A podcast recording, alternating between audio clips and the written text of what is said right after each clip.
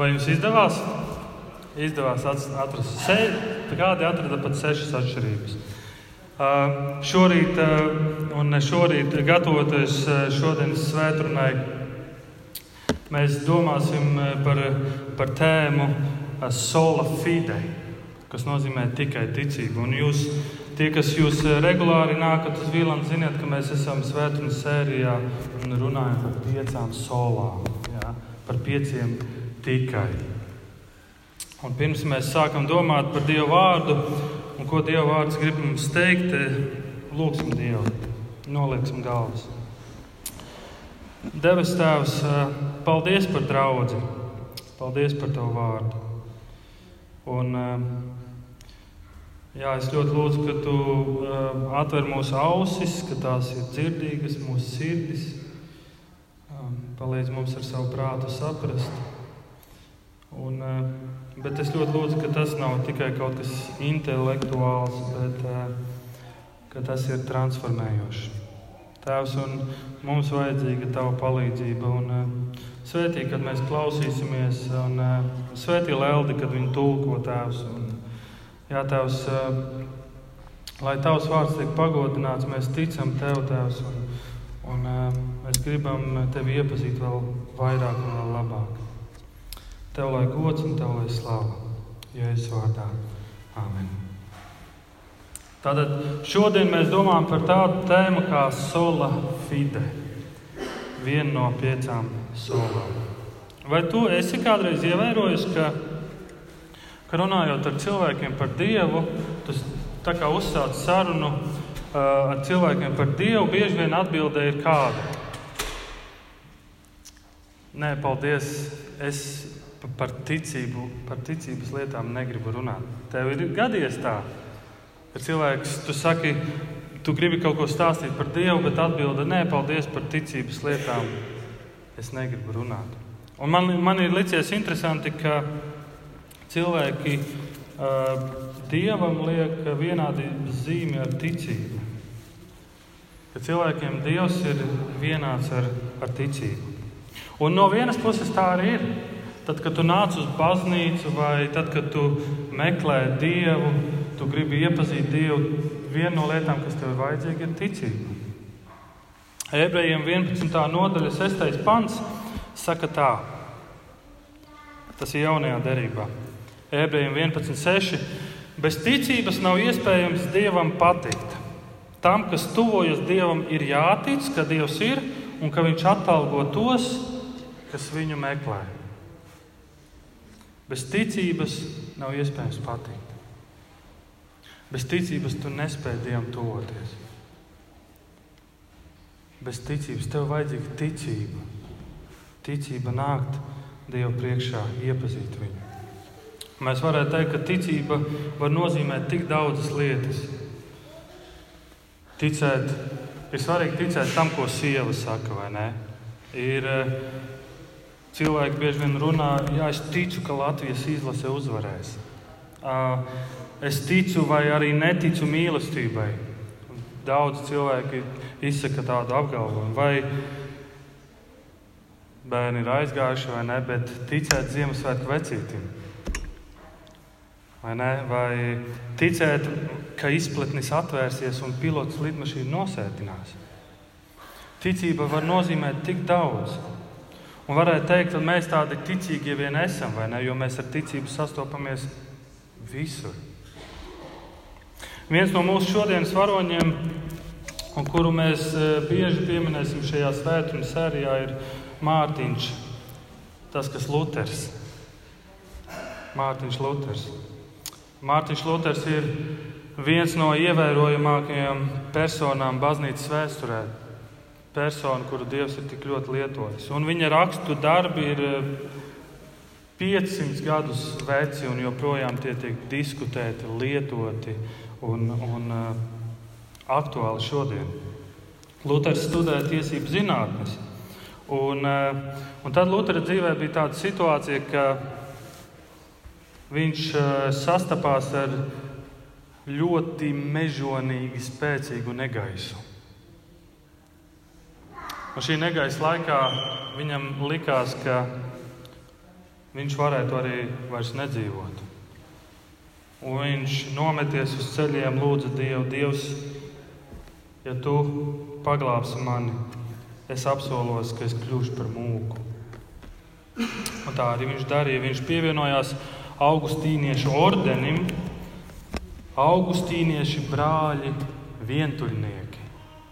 Viņš pievienojās šim ordenim, bet uh, vēlāk viņš uh, ļoti studēja, nelokāmi un dziļi studēja un cīnījās ar, ar, ar Dievu un cenšoties izpatikt Dievam. Un viņam bija kāds ļoti aktuāls jautājums, tāpēc viņš ļoti meklēja, studēja. Un šīs cīņas rezultātā viņš no jauna atklāja evaņģēliju. Un studējot teoloģiju Vitsenburgā 1517. gadā, viņš pienagloja 95 tēzes uz draudzes nama durvīm. 95 tēzes, lai izaicinātu uz teoloģiskām debatēm. Luters bija sludinātājs, viņš bija teologs, bībeles tulkotājs, komentāru autors, lektors, vīrs, tēvs un labs draugs daudziem. Luters mīlēja Dievu un vēlējās, lai cilvēki tic Kristum un pieaug ticībā. Bet tā realitāte un pretestība, ar ko viņš sastapās, bija, ka cilvēkiem likās, ka ceļš pie Dieva ir caur darbiem. Ka ceļš pie Dieva ir caur darbiem. Bet tas, ko viņš mēģināja pasludināt, ir, ka tas nav īstais un patiesais ceļš.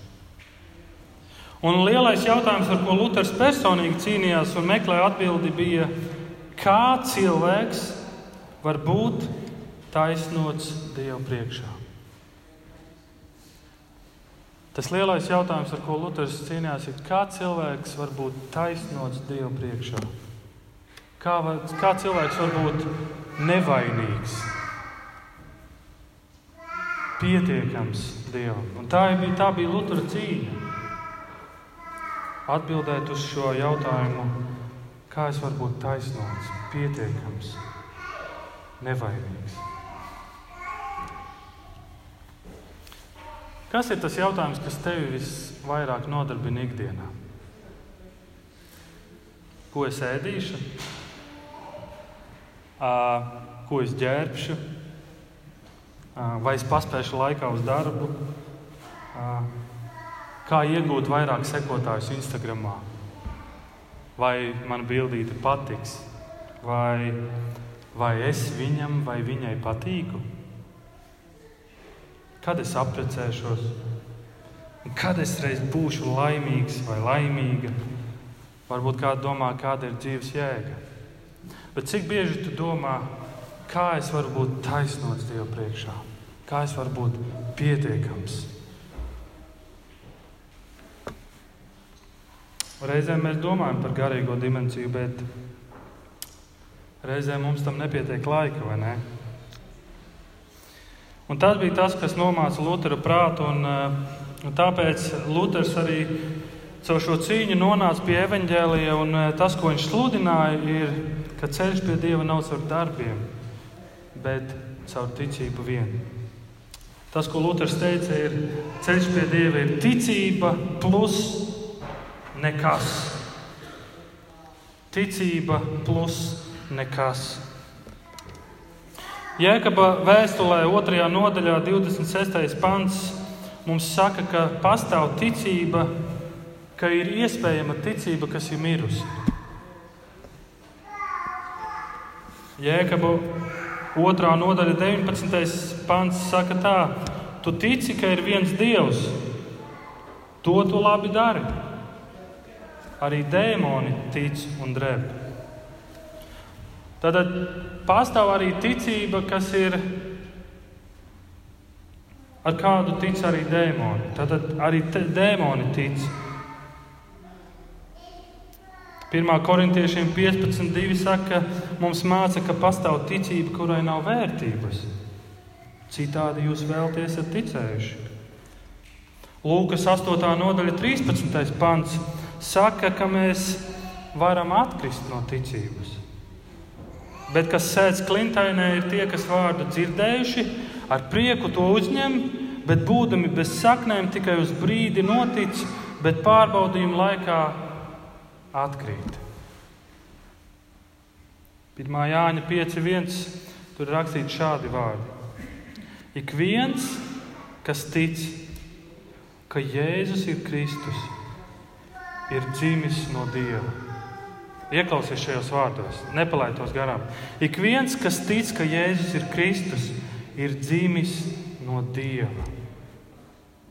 Jau šķiet, cik spēcīgi vārdi, vai ne? Un, tai, ja tu esi viens no tiem, tu, tu vari gavilēt un priecāties par to.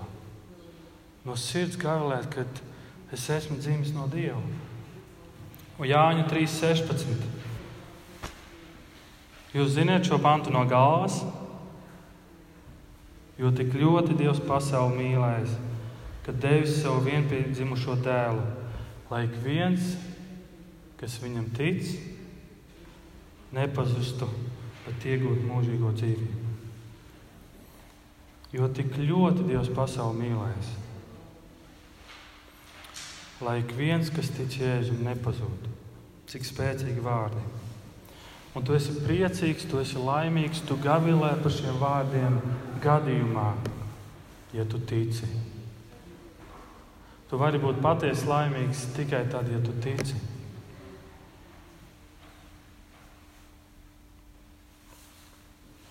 Un redzi, visas šīs nolasītās rakstu vietas, ko es mēģināju parādīt, ir, ka ticība var būt mirusi, ka ir ticība kā dēļ, ticība, ar kuru tic arī dēmoni Varbūt velta ticība, varbūt ticība, kuru tu, tu vari atkrist no ticības. Un, tas, un šie, panti, šie daži panti vien norāda uz to, cik ticības jautājums ir svarīgs jautājums. Cik ticības jautājums ir svarīgs jautājums. Kas tad ticība tāda ir? Kad es gatavojos šai svētdienai, Es domāju, nu, protams, ka es uh, uzdošu kādiem cilvēkiem jautājumus, kā viņi domā, kas ir ticība. Un es izdomāju šo jautājumu uzdot savai vecākajai meitai, Amēlijai. Es jautāju, saki, lūdzu, kā tu domā, kā tu saproti, kas ir ticība? Un, uh, mani apžilbināja tas, ko viņa atbildēja. Viņa teica, nu, ticība ir, kad viens kaut ko saka, un otrs tam notic.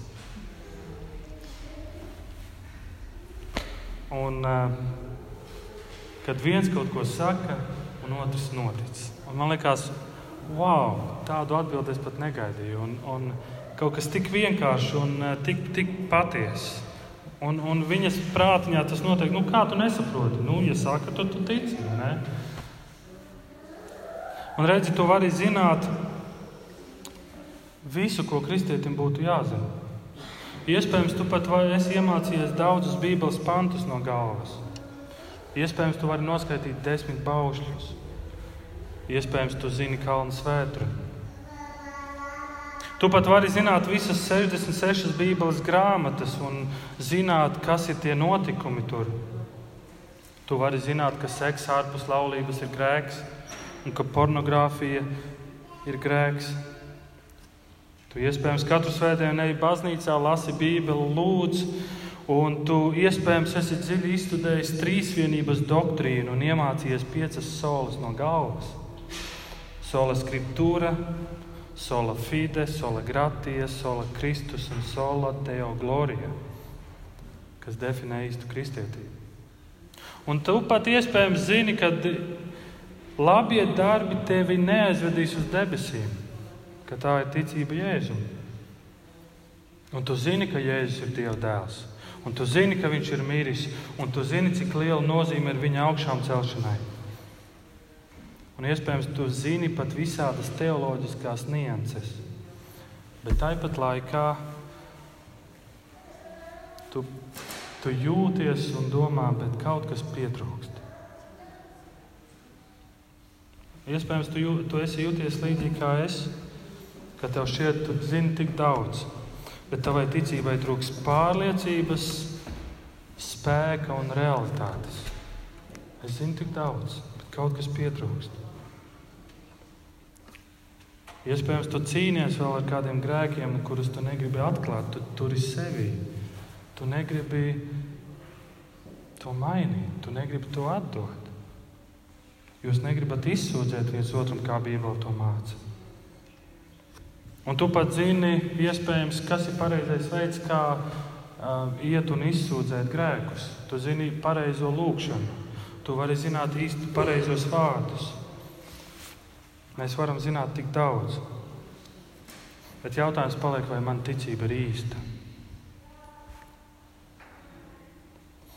Un es esmu sev šo jautājumu uzdevis, ja es dzīvotu Jēzus laikā, tad, kad Jēzus bija virs zemes.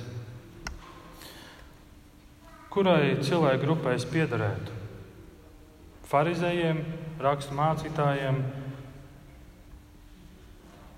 mācekļiem vai vienkārši sekotu bara instinktam? Es daudz par to esmu domājis. Un tāpēc šis jautājums ir aktuāls. Kas ir ticība? Kas ir ticība?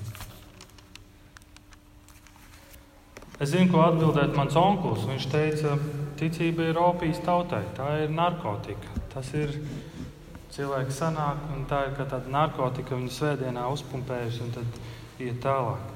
Ebrejiem 11. nodaļa, un daudzi no mums uz, uz to pantu uzreiz norādītu, saka, ka Ebrejiem 11. nodaļa, 1. pants. Un 11. nodaļa ir visgarākā nodaļa ebreju vēsturē.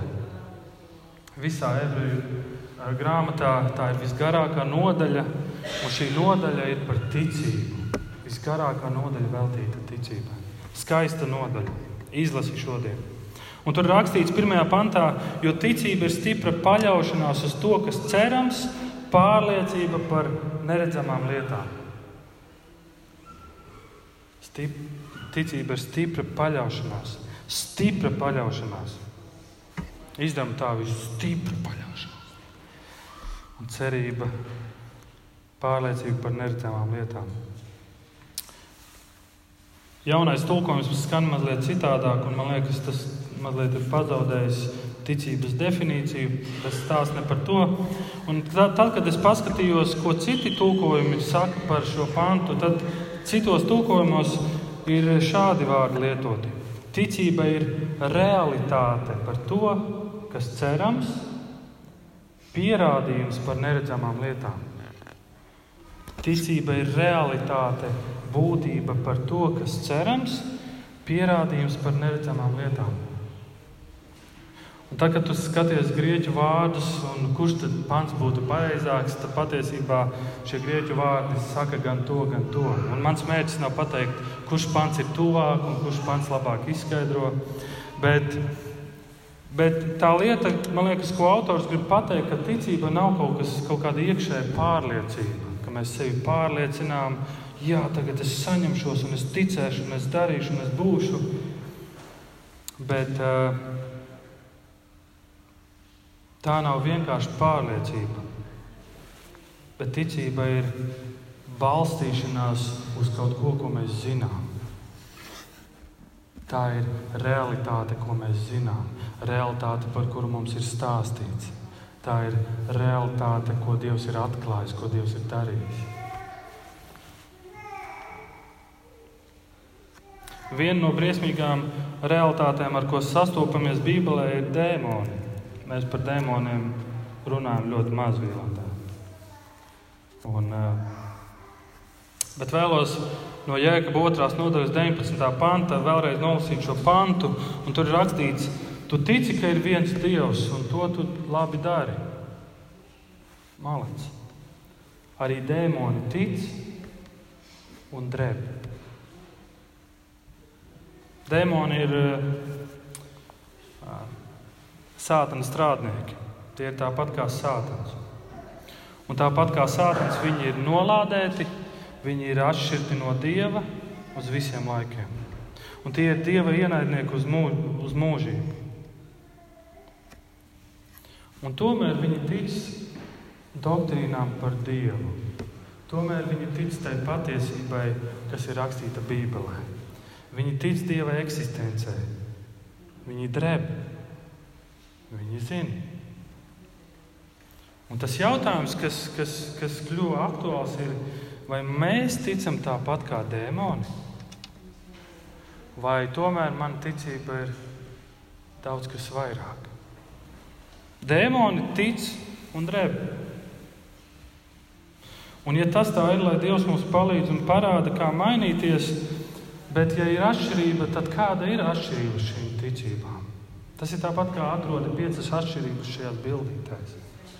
Kāda tad ir atšķirība šīm ticībām? Mana dzīves pieredze nav nu, ir pietiekami. Un, e, man ir bijušas uh, vairākas sarunas, uh, īpaši ar jaunākiem cilvēkiem. Un, un ir bijušas situācijas, kad es redzu, ka, ka šī jaunieša dzīvē viņš izdara tādus lēmumus, kas nav labi, kas nav saskaņā ar Bībeli. Un tad es domāju, kas ir veids, kā man pie viņa pieiet un pateikt, klausies, zini, ko tā kā tu dari īsti nav labi.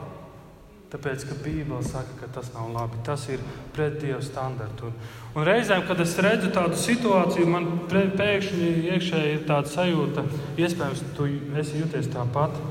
Varbūt man nevajag neko teikt. Bet Bībele saka, ej, pamāci savu brāli, vai ne, norādi un neklusē. Un tad tu domā, kas ir tas veids, kā pieiet un pateikt? Es zinu, ka viņš zina Bībeli. Viņš zina ļoti daudz. Viņam vecāki ir kristieši.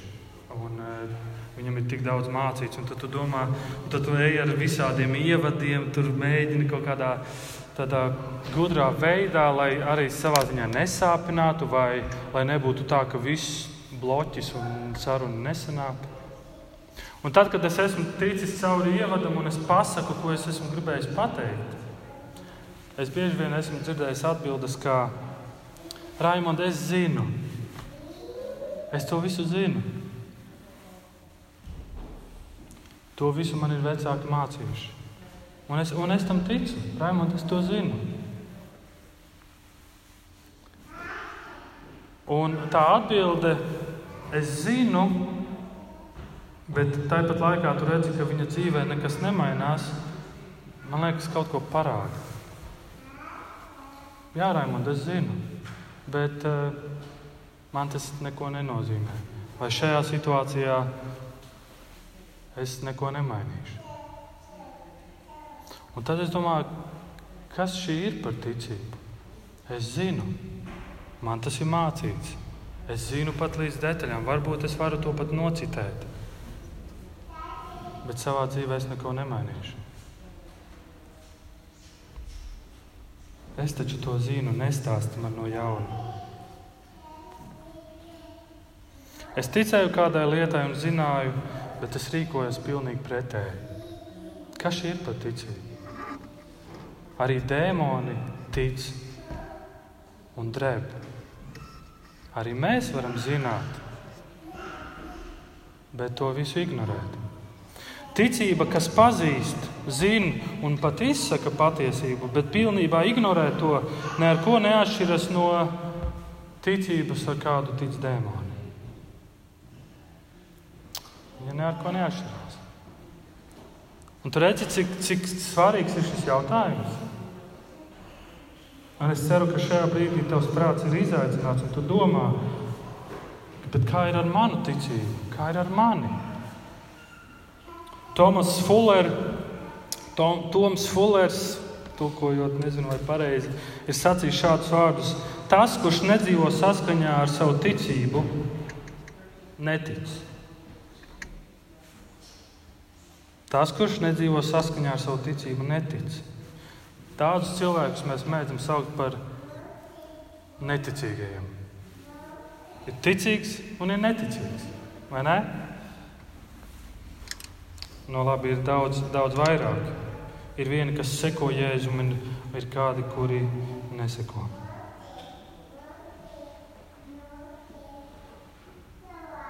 Bet kas tad, kas tad ir šī atšķirība? Ar ko šīs divas ticības atšķirās? No ticības, ar kādu tic dēmoni, un no ticības, ar kādu tic Jēzus sekotājs. Vai tas ir gribas spēks? Vai tā ir dziļāka izpratne par lietām? Bet ļoti lūdzu, nepārprotiet mani. Es pats ļoti pētu un ļoti gribu zināt daudz. Es gribu saprast Dieva vārdu, un tāpēc es tajā iedziļinos. Un tās ir, labas, lab, tās ir labas lietas, jo arī ticības daļa ir prāts un sapratne. Bet uh, tā atšķirība starp šīm ticībām ir tāds svešvārds kā transformācija, izmaiņas, pārmaiņas. Apostļu darbs 16. nodaļa, 31. pants.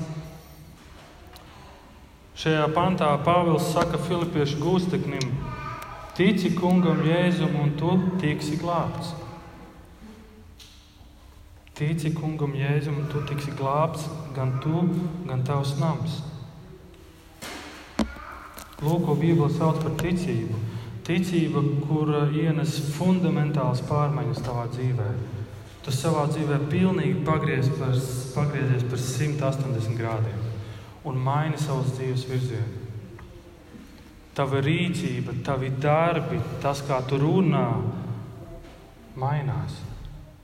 Ticība, kas transformē, ticība, kas izmaina. Lūk, šī atšķirība. Manas meitas un atkal bērni, un tāpēc Bībele saka, mācieties no bērniem. Manas meitas tic, ka tēvs un mamma parūpēsies par ēdienu, tāpēc viņas par to pilnīgi nerūpējas. Tad, kad viņas grib, viņas pienāk, tēti, es gribu ēst, mamma, es gribu ēst bet viņas nedomā, ko es šodien ēdīšu. Tāpēc, ka viņas tic.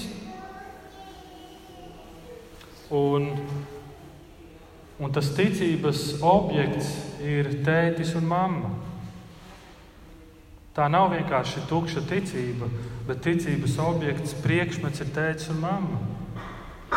Kristiešu ticības objekts ir Dievs. Es paļaujos, es zinu, ka Dievs zina ka Dievs rūpēs, ka Viņš ir tētis, kurš parūpēsies, kuram rūp.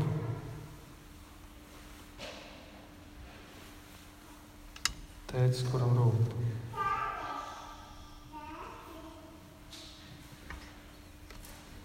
Kas man ir nepieciešams, lai ticētu? Kas man ir nepieciešams, lai man būtu šāda ticība? Un tā kā Luters uzdod šo jautājumu, kā es varu būt taisnots Dievu priekšā, kā es varu būt, būt pietiekams Dievu priekšā, pieejams, ka Dievs mani pieņems, nevainojams. Un Luters nonāca un saprata, ka tā ir ticība. Ticība.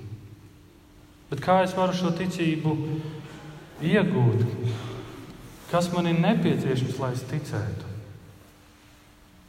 Romiešiem 10. nodaļa, 17. pants. Saka tā. Tātad ticība rodas no pasludinātās vēsts, bet vēsts no Kristus vārdiem. Ticības sākums ir sludināšana, Dieva vārds. Pasludiniet to viens otram, pasludini to savai sirdī katru dienu, kad tu mosties. Es nezinu, kāda ir tava rutīna no rīta. Iespējams, tu pamosties un izstaipies sākumā, kas ir labi, iekustini savu ķermeni, vai tu rūpējies par savu gāru. 2. Timotejam 3.15. Tu jau no agras bērnības pazīsti svētos rakstus. Tie dod tev gudrību, lai tu nonāktu pie pestīšanas caur ticību Kristum Jēzum. Tie dod tev gudrību, lai tu nonāktu pie pestīšanas caur ticību. Caur ticību. ticību. Un man nav nepieciešams, man nevajag eh, lasīt biogrāfijas par to, kā tas ir noticis citu cilvēku dzīvē, kā viņi ir atgriezušies. Un es redzu savā dzīvē, ka šī mazā Baptistu baznīca viesītē, kur mācītājs sākot ar svētdienas skolu un katru svētdienu uzticami sludināja Dieva vārdu. Un viens brīdis, kad svētais gars to saliek pilnīgi tik skaidri un tik skaidri izgaismo, ka tu saproti, ko tu ar to darīsi. Vai tu sekosi vai nē. Tas sākas ar Dieva vārdu sludināšanu. Ebrejiem 11. nodaļā mēs lasām pantus par Ābrahāmu un Sāru. Un tur ir rakstīts, ka pirms Ābrahāms vai Sāra pieņem, pieņem lēmumu, viņi sprieda savā prātā. Viņi domāja, viņi prātoja par to, ko viņi jau zina.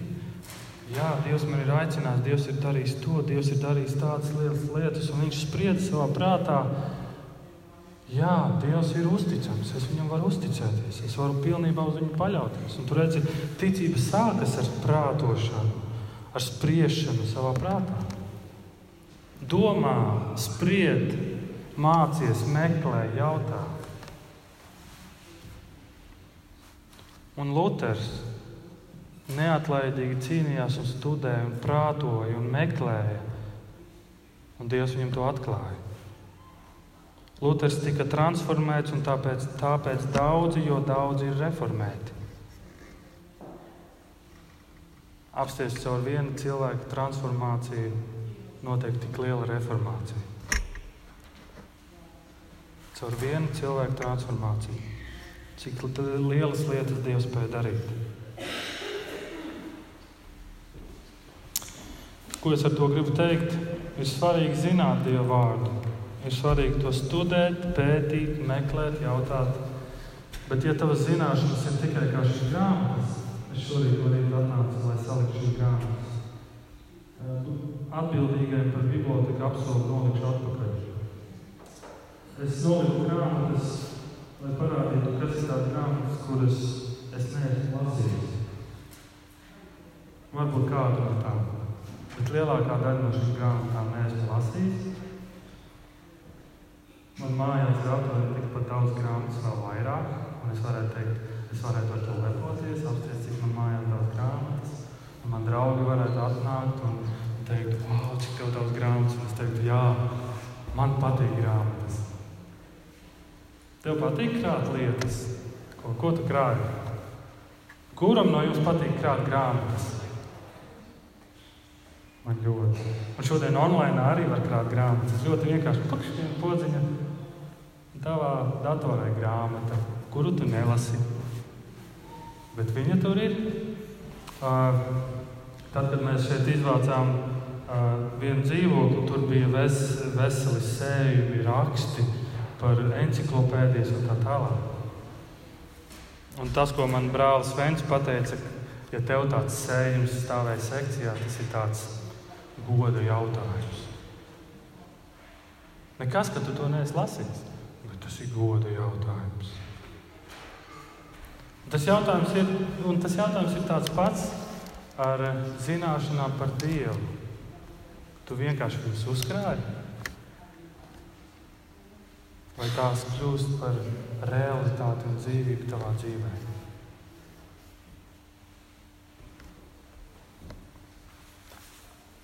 Kas ir atšķirība starp ticību, ar kādu tic dēmoni, no ticības, ar kādu tic jēzus sekotājs. Ka tā ticība tevi maina, tā transformē. Tev vajadzīga, un tā kā mēs lasījām sākumā, nākot pie Dieva, tev ir jātic, ka Viņš ir un ka Viņš atalgo tos, kas, kas viņu meklē. Nākot pie Dieva, tev ir vajadzīga ticība. Un nevis intelektuāla ticība, bet ticība kā zināšanas, nu, kā es pazīstu savu sievu. Es zinu, mēs septiņus gadus esam precējušies, un es zinu, kurā brīdī labāk paklusēt. Es zinu, kurā brīdī būtu labi, ja būtu šokolāde blakus, un viņai vajadzīga šokolāde vai es zinu, kurā brīdī man ir kaut kas jāsaka vai jāatbalsta. Vai ne? es pazīstu savu sievu.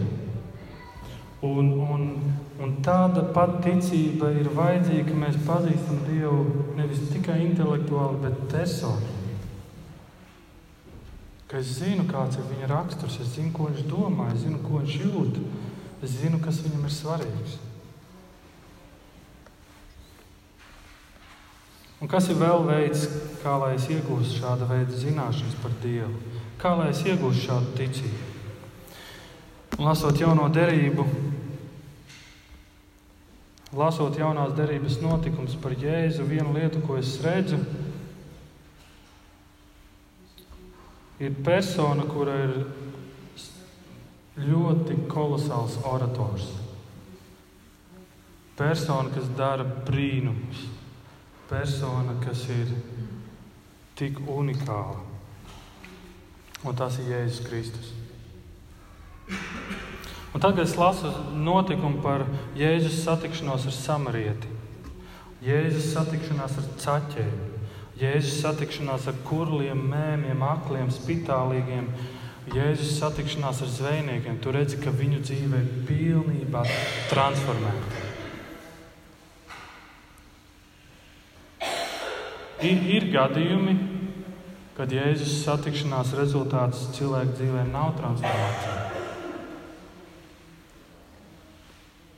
Bet tev ir jāsatiek Jēzus personīgi. Tev ir jāieskatās viņa acīs, tev ir jādzird, ko viņš saka. Tev ir ar viņu jārunā. Un viens no ticības, viena no ticības tādām svarīgām sastāvdaļām ir jautājumi. Jautā Dievam. Jautā. Kad manas meitas nāk pie manis, un atkal lietošu meitas, viņas jautā, tēti, vai es varu vienu konfekti? Ko tas nozīmē? Viņa tic, ka tētis var iedot konfekti, ka tētim ir konfekti. Vai tad, kad viņas jautā, tēti, kāpēc ir mēnesis, zvaigznes, vai tēti, kāpēc tas un tas un tas, un, un kāpēc luksusforā deg dzeltenā vai sarkanā gaisma? Viņas tic, ka es zinu atbildi. Šis ir vēl tāds laiks, kad viņas jautā ar mērķi, jo viņas grib uzzināt atbildi. Vai ne? Un tā, kad tu nāc pie Dieva, tad jautā ar mērķi, lai uzzinātu atbildi, nevis lai vienkārši izaicinātu. Vai reizē mēs nākam pie cilvēka un jautājam, zinot jau atbildi. Un tad tu skaties, vai tā sakrīt vai nē. Un tas jau ir cita veida jautāšana. Jautā. Un notikums par tēvu, kuram bija dēls ar mēmo garu, ko mēs lasījām no paša, no paša rīta. Mārka 9. nodaļā Jēzus sacīja, ja spēj, kas tic, tam viss ir iespējams. Tad šis tēvs nāk ar savu ar savu dēlu. Viņš sākumā nāk pie mācekļiem viņš saka, lūdzu, es dzirdu, kas ir tās lietas, kas notiek, un jūs sekot jēzu, un jūs darat lielas lietas. Lūdzu, izdzeniet dēmonu no viņa, šo ļauno garu. Mācekļi to nespēja. Šis tēvs ir izmisis. Iedomājieties šo tēvu, viņš ir izmisis. Un Jēzus atnāk un redz, ka notiek kaut kāds, pūļi sanāk. Jūs zināt, kā jau jūt, tad karstas zina kaut ko viens otru pārvērt. Kas te notiek? Un šis tēvs saka, es atnesu savu dēlu pie mācībām, lai viņi īstenībā, bet viņi to nav varējuši izcīt. Viņš, viņš lūdz Jēzu, ja tu spēj iztekt šo dēmonu no viņa. Un, ja es saku, ja tu spēj, kas tic, tam viss ir iespējams. Ko tu atbildētu, ja Jēzus tev teiktu, kas tic, tam viss ir iespējams? Un iespējams šī tēva atbilde bija, es teikšu, jebko, bet lūdzu, dari kaut ko. Un viņš, teica, un viņš teica, es ticu, es ticu, palīdzi manai neticībai. Es darīšu jebko, bet palīdzi manai neticībai, palīdzi, šis dēls tiek dziedināts. Palīdzi man manā neticībā. Šis tēvs nāk pie Jēzus un viņam jautā, palīdzi man manā neticībā. Es nezinu, kur tu šobrīd atrodies. Un varbūt tev šis kliedziens ir pilnīgi līdzīgs un tāds pats. Un tu saki, jā, es zinu lietas, jā, es ticu, bet palīdzi man manā neticībā. Jēzu, palīdzi man. ka man ticība ir dzīva. Vēstules, Jēkab vēstules autors saka, ka ticība bez darbiem ir nedzīva. Tas ir tas, ko mēs šorīt lūkšanas rītā runājām. Bez darbiem tā ir nedzīva.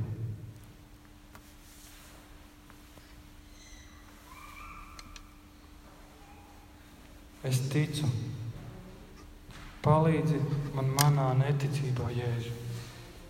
Palīdzi man. Un kā nobeigumam es jums gribu atstāt kādu uzdevumu. Padomā, kā tu definētu ticību.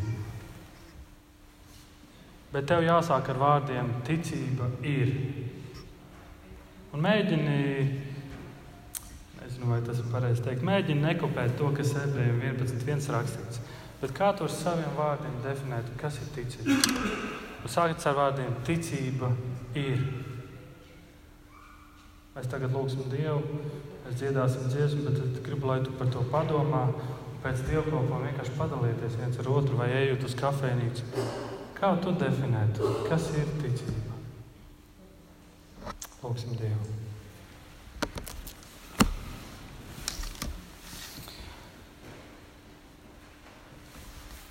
Debes Tēvs, es Tev pateicos par Tavu vārdu, ko Tu esi mums devis. Un eh, ka Tavs vārds mums ir pieejams tādā salikumā, kā tas ir 66 grāmatas, vecā un jaunā derība, tas ir brīnums. Un palīdz, lai šis laiks ar Tevi, Jēzu, kad mēs lasām vārdus par Tevi, mums būtu ļoti īpašs un tas būtu tas, pēc kā mēs ilgojamies. Jā, mēs sastopamies ar šaubām. Ne viss mums liekas balts un melns. Bet es ļoti lūdzu, ka tu nāc un atklāji, izskaidro un dod mums tādas īstas slāpes, saprast no sirds. Un ne tikai zināt un uzkrāt šīs zināšanas, bet ka šī ticība ir dzīva, ka mēs piedzīvojam šo dzīvību savā ikdienā. Es to nespēju, Tēvs, un uh, neviens cits to nespēja, kā vienīgi Tavs svētais gars, gars kurš to izskaidro. Tāpēc mēs lūdzam, nāc un izskaidro un palīdz mums to saprast līdz kaulam no sirds. Paldies par Tavu vārdu šodien, un uh, es ļoti lūdzu, lai tas svētī mūsu draugu, lai tas svētī mūsu ikvienu. Lai tas dziļi nogrims mūsu sirdīs. Paldies par Jēzu Kristu, kurš nāk un atklāja mums to visu un parāda tevi. Ka mūsu ticībai ir pamats, ka mūsu ticība nav tukša. Paldies Tev! Tavā vārdā. Amen. You.